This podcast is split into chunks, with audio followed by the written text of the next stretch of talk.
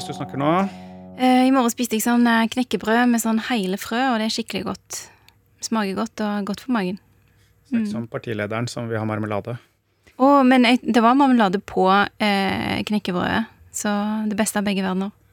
Jeg heter Hadia Tajik, og jeg er nestleder i Arbeiderpartiet. Eh, stiller til valg i Rogaland. Lang sommerferie har du hatt. Jeg har tre uker eh, i eh, kommunen som jeg vokste opp i, sammen med mannen min og ungen vår. Eh, og det har vært tre deilige uker. Kommunen er Strand, hvor også barndomsplassen, det lille tettstedet Bjørnheimsbygd, ligger. Strand som for to år siden fikk vei til oljehovedstaden Stavanger gjennom verdens lengste undersjøiske tunnel. En kommune som også huser mange bedrifter og arbeidsplasser knyttet til oljenæringen. Arbeidsplasser Tajik ikke vil gamble med i en framtidig regjeringsforhandling. Men mer om det om litt. Det har virkelig vært kjempefint. Har til og med hatt eh, fint vær, og det er jo ikke alltid det er en selvfølge i Rogaland. Det er ikke selvfølge å få ro og fred der heller. Tenker du når, du når du hører en vannskuter? Vet du hva, Det har jeg faktisk ikke hørt eh, der vi holdt til. Eh, Vi var tett på fjorden. Vi har ordna oss eh, ei hytte som er leie. Men det var veldig ordentlige forhold der. Men hadde jeg hørt en scooter tett på, så tror jeg jeg hadde blitt litt irritert. Blir du litt irritert, da? Eh, ikke så lett å irritere meg, eh, men eh, når noen tar seg til rette på bekostning av andre, da må jeg innrømme at det kan være kilde til irritasjon, ja. Tre uker på, på hjemstedet. Hva er det som gir deg den roen ved å være der, da? Altså For det første så er det en fin plass. og det, Jeg skjønner at dette er en litt sånn rar ting å si, men en av de tingene som jeg har savna de åra jeg har bodd i Oslo, og det har gått opp for meg først liksom de, de uh, siste åra, det er at jeg savner å se fjell. Altså Der jeg vokste opp, så så du fjell til alle kanter. Og den hytta som er under oss, der er det òg sånn at du ser fjell til alle kanter. Eh, og det er rart at noe sånt kan være med på å gi ro, men eh, for meg så gjør det det. I tillegg så var det sånn at eh, mannen min var mye ute eh, med båt og eh, satte ut garn og fiska, så vi fikk mye fersk fisk. Og det var i det hele- tatt en veldig ro over hele stedet. Det du snakker om nå, det, det er typisk å fortelle om at man bor i Oslo, men man savner hjemstedet, for det mangler noe i Oslo. Er det begynt å bli litt sånn viktig å si det? Nei. For meg eh, har det alltid vært viktig at jeg kommer fra Bjørheimsbygd. Og det tror jeg har vært en del av den offentlige historien om meg òg, hele veien. Og jeg er i hvert fall ikke en sånn politiker som har noe behov for å si masse stygge ting om Oslo. For å si noe fint om heimplassen min. Jeg tenker vi er heldige som har eh, en hovedstad som Oslo, som jeg opplever som en utrolig spennende by som har klart å ja, eh, altså vokse, være mer inkluderende, eh, og òg være internasjonalt mer interessant. De har klart å brøyte ny vei i europeisk sammenheng med å være en grønnere by. Men så er jeg utrolig stolt over at jeg kommer fra en bitte liten plass langt inn i Rogaland. Og jeg er så stolt av det at jeg drar med meg mannen min og ungen min eh, over der. Og håper jeg i starten tvinga mannen min til å være der en stund. Nå har jo han eh, heldigvis òg blitt glad i heimplassen min. Så har han blitt lurt. Altså, Enten så har han blitt glad i heimplassen min, eller så er han eh, glad nok i meg da, til å i det minste late som de tre ukene. Jeg tror han har hatt det fint, han òg. Det er identitet. Man prøver å skape også et bilde som skal være attraktivt for velgerne. Hvilken egenskap ved deg er det du håper at velgerne har fått med seg? Jeg håper at de tenker at uh, hun er hardtarbeidende. Jeg håper at de tenker at uh, selv om jeg kanskje ikke alltid er enig i alt hun sier, så stoler jeg på det. Altså, jeg stoler på at hun har gjort en ordentlig jobb, uh, og stoler på argumentasjonen hennes, at hun ikke kutter hjørner. Jeg håper i hvert fall at det er et inntrykk jeg klarer å sette igjen. Å dyrke flittigheten, liksom? Ja, det er en bra ting å være flittig, tenker jeg. Er det noen merkelapp du har blitt klistra på, som du tenker den, den der er jeg ikke så glad i? Altså Det er, jo sånn at Når du har et offentlig verv og blir eh, altså skrevet om i ulike sammenhenger, så vil det alltid være noe omtale som kan være Man kan oppleve som urettferdig, da, eller kan oppleve at det der er ikke meg, eller skulle ønske de ikke sa det sånn. Men jeg har i hvert fall tenkt at eh, av alle ting som det går an å irritere seg over, så er det noe jeg ikke har tenkt å irritere meg over. Jeg må jo ha fokus på det som er viktig, og det er politikken. Sakene som betyr noe for folks liv og folks hverdag, og ikke ta disse andre distraksjonene som dukker opp. Du, du kaller det jo distraksjoner, men det er jo distraksjoner som kanskje avgjør valg. Blir Jeg kjenner ikke til at det fins merkelapper på meg som har vært med på å avgjøre valg. Ikke ennå. Vi får se, da. Og så er det et valg som selvfølgelig det står ganske nært. Og så vet vi at du har Senterpartiet. De sier på inn- og utpust vi skal ikke samarbeide med SV. Og så har du SV som sier at en regjering uten oss, det er ikke noe eh, miljøkraft i den regjeringen. Hvordan står dere i det spillet der? Altså Arbeiderpartiet eh, er veldig tydelig på at vi ønsker en eh, Arbeiderparti-ledet regjering sammen med SV og Senterpartiet. Det er det vi jobber for. Vi har vist at det er noe vi har klart tidligere, i 2005. Og vi har ambisjoner om å håpe at vi får velgerne med på å få den type flertall igjen. SV eller Senterpartiet, hvem står man nærmest politisk? Jeg har aldri vært i tvil om at jeg er sosialdemokrat, så jeg har ikke hatt behov for å utforske eh, den legningen det krever å eh, være mer interessert i Senterpartiet eller eh, SV. Men konkret, da. Man har et Senterparti som er veldig tydelig på at vi kan samarbeide til Høyre. Er ikke det et, eh, en attraktiv mulighet når eh, politikken sammenfaller?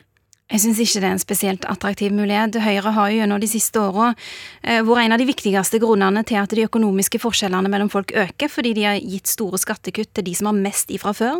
For Arbeiderpartiet vil det være helt unaturlig eh, å samarbeide til Høyre eh, etter et valg, særlig hvis det er mulig å etablere et rød-grønt flertall, sånn som jo de aller fleste meningsmålinger tilsier at skal være innenfor rekkevidde, hvis velgerne òg ønsker det på valgdagen.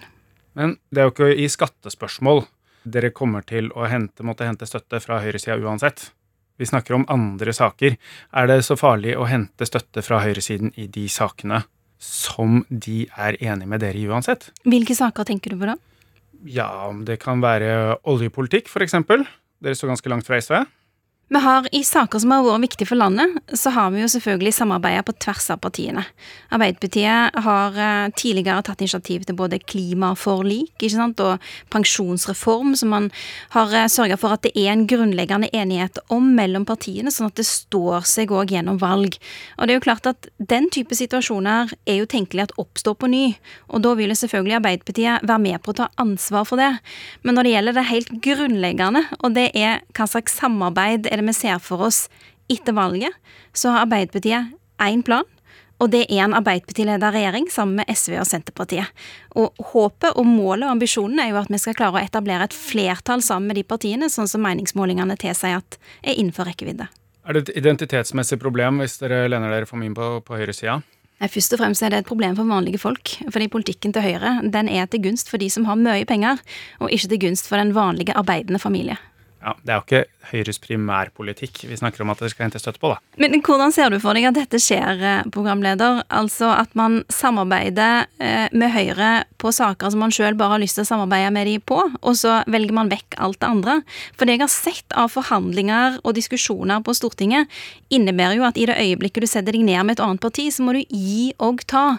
Og akkurat hva er det man skal sitte og gi til Høyre eller Fremskrittspartiet? De partiene som har drevet fram økende økonomiske forskjeller mellom folk gjennom de siste åtte åra. Vi i Arbeiderpartiet mener i hvert fall at det er bedre å samarbeide med partier som har i hvert fall en grunnleggende enighet med når det gjelder samfunnsretningen. Så du syns Trygve Slagsvold Vedum han er naiv når han tenker at han skal kunne shoppe flertall til Høyre? Arbeiderpartiet mener jo ikke at det er en spesielt god plan å legge, eh, altså ha som mål at man skal være i mindretall eh, og eh, altså tvinges til å måtte samarbeide med høyrepartiene. Det er ikke vår plan. Vi ønsker et flertall sammen med SV og Senterpartiet, sånn som meningsmålingene jo viser at er mulig å få til. Vi er i hvert fall motivert for å jobbe beinhardt for å få det til. Men Hvordan skal dere tvinge Senterpartiet til å samarbeide med SV, da? De er jo like klare på at de vil ikke ha SV i regjering. Det jeg hører Senterpartiets leder si, er at de ønsker seg en Arbeiderparti- og Senterparti-basert regjering. Så får de sjøl svare på hva det eh, må bety eh, etter et valg. Men jeg syns det er vanskelig å se for seg at man både skal ha et rød-grønt flertall med SV, altså i oppslutning, og så samtidig være et Senterparti som sier at nei, nei, vi vil ikke ha det flertallet med et parti som vi har tradisjon for å samarbeide med, som vi har fått til gode ting i lag med når vi har sittet i regjering med de sist. Så det er et tydelig budskap til velgerne at hvis det blir et rød-grønt flertall med SV, så skal det svært mye til at SV ikke inviteres inn i den regjeringen? Det er i hvert fall ingen tvil om hva Arbeiderpartiet ønsker her. Og det er å få til en Arbeiderparti-ledet regjering som har flertall med SV og Senterpartiet, og det er det vi kommer til å jobbe for. Ingen løfter? Altså, det er det som er løftet. Arbeiderpartiet lover et grønt skifte. Men i motsetning til andre partier på venstresiden av streken i norsk politikk, skal det grønne skiftet skje uten å strupe oljeindustrien. Andre næringer skal vokse fram parallelt, og et løfte om kraftig vekst står oppført på lista over ting de vil gjøre i løpet av 100 dager hvis de overtar regjeringskontorene. Den lista den inneholder ganske hårete mål om at norsk eksport utenom olja skal økes med 50% på 8-9 år nå. Hvordan skal dere få til det? Så vi vil jo bl.a. blant annet eh, at staten skal ta en mer aktiv rolle for å støtte de private initiativene som, eh, som måtte komme. Men òg at staten tar en mer aktiv rolle i å sørge for at man kan lage nye industrier. F.eks. har vi i vårt alternative budsjett foreslått at Statkraft får 1 milliard kroner mer og får et utvidet oppdrag i det å gjøre industri ut av hydrogen, og det å legge grunninfrastrukturen for det. Det vil òg gjøre det mulig for flere private aktører å være en del av det framtidige markedet. Dere kom med et løfte. Vil det si at dere sier at dette er noe vi faktisk skal innfri? Ja, det er jo et mål å få dette til. Det er en helt tydelig ambisjon. 1 milliard til Statkraft, blant annet. Altså det, det gir ikke en veldig stort løft. 1 milliard kroner er ganske mye penger, og det gir et veldig sterkt økonomisk utgangspunkt for Statkraft til å starte arbeidet med å legge grunninfrastrukturen for å bygge en ny industri. Så er det klart at det er jo ikke sånn at den ene milliarden skal være det eneste som gjør at, det, at man lykkes med å gjøre industri ut av hydrogen, men noen må jo ta de første skrittene. Og når man ser at det private markedet kanskje ikke tør å ta den risikoen, så klarer staten å være en langsiktig investor som tør å ta risiko hvis man har politikere med ambisjoner for det, og det har Arbeiderpartiet. Men vi må tilbake til hvem som skal regjere landet etter valget 13.9, hvis det blir rød-grønn valgseier. SV har vedtatt at medlemmene skal stemme over om de skal delta i en regjering etter eventuelle forhandlinger om hvilken politikk en slik regjering skal føre i viktige spørsmål. Noe som ikke er testet før i norsk politikk. Et parti som samtidig vedtok at man ikke skal gi nye tillatelser til å lete eller produsere olje og gass på norsk sokkel. Arbeiderpartiet vil ha stabile rammevilkår for oljeindustrien, og sørget under pandemien for å plusse på støttepakken regjeringen ville gi oljeselskapene for å investere mer. Hvordan tror du dere skal få SVs medlemmer til å stemme ja, uten å fire litt på egen politikk der? Altså For Arbeiderpartiet så er politikken for oljearbeiderne veldig viktig. Og det er òg fordi vi ser at oljearbeiderne er jo de som har kunnskapen til å bygge brua over til fornybarsamfunnet. Det er jo de som bl.a. har jobba med altså, eh, subsea-installasjoner, som er de som kan si noe om hva slags eh, teknologi det er man trenger, hva slags kompetanse det er man trenger for å lykkes med f.eks. havvind, eh, eller andre store satsinger som karbonfangst og, lagring og transport. Det, den type kunnskap må vi jo sørge for at blir ivaretatt, og da kan man ikke ikke føre en oljepolitikk som gjør at oljearbeiderne risikerer å miste jobbene sine og gå ut i ingenting. Man er nødt til å lykkes med å bygge den bruna. Det er Arbeiderpartiet opptatt av, og det eh, håper jeg og tror jeg at eh, vi vil klare å, å, å, få med flere partier på å legge stor vekt på. Likevel, det er ganske stor avstand mellom deres politikk på olje og SVs politikk, og dette skal SVs medlemmer til syvende og sist bestemme. Hvordan mener du at dere skal få SVs medlemmer til å stemme for deres oljepolitikk? Tror du det? Nå er det jo sånn at Vi har sittet i regjering med SV tidligere. Eh, og Aldri SV hatt har, eh, uravstemning om SV har, regjeringsplattformen? Ved tidligere tidspunkter slutta seg til det som har vært vår felles oljepolitikk, som har gitt stabile rammevilkår og forutsigbarhet for det som er en avgjørende industri for norsk verdiskaping og norsk kompetanse. Eh, og så må jo eh, SV sjøl svare på hvordan de kommer til å håndtere dette her i en ny runde. Men vi har nå i hvert fall vist at det er mulig å få dette til. Og for Arbeiderpartiet så vil den forutsigbarheten være viktig. Du tror de kan klare, klare å stemme ja til deres oljepolitikk? Altså, jeg er ikke en spåkone. Jeg er en politiker, eh, og jeg kan fortelle hva slags prioriteringer Arbeiderpartiet gjør. Eh, og det er ingen tvil om at det å gi forutsigbare og stabile rammevilkår til en industri som er så viktig for norsk verdiskaping og kompetanse, eh, det kommer til å veie tungt for Arbeiderpartiet inn i eventuelle forhandlinger etter et valg. Men først må vi nesten vinne valget, og så får vi ta forhandlingene etter det. Dere snubla sist på oppløpssida. Er det er det noe som fester seg på en måte i ryggmargen? Jeg tror eh, alle livets erfaringer er jo med på å forme hvordan man ser på ting.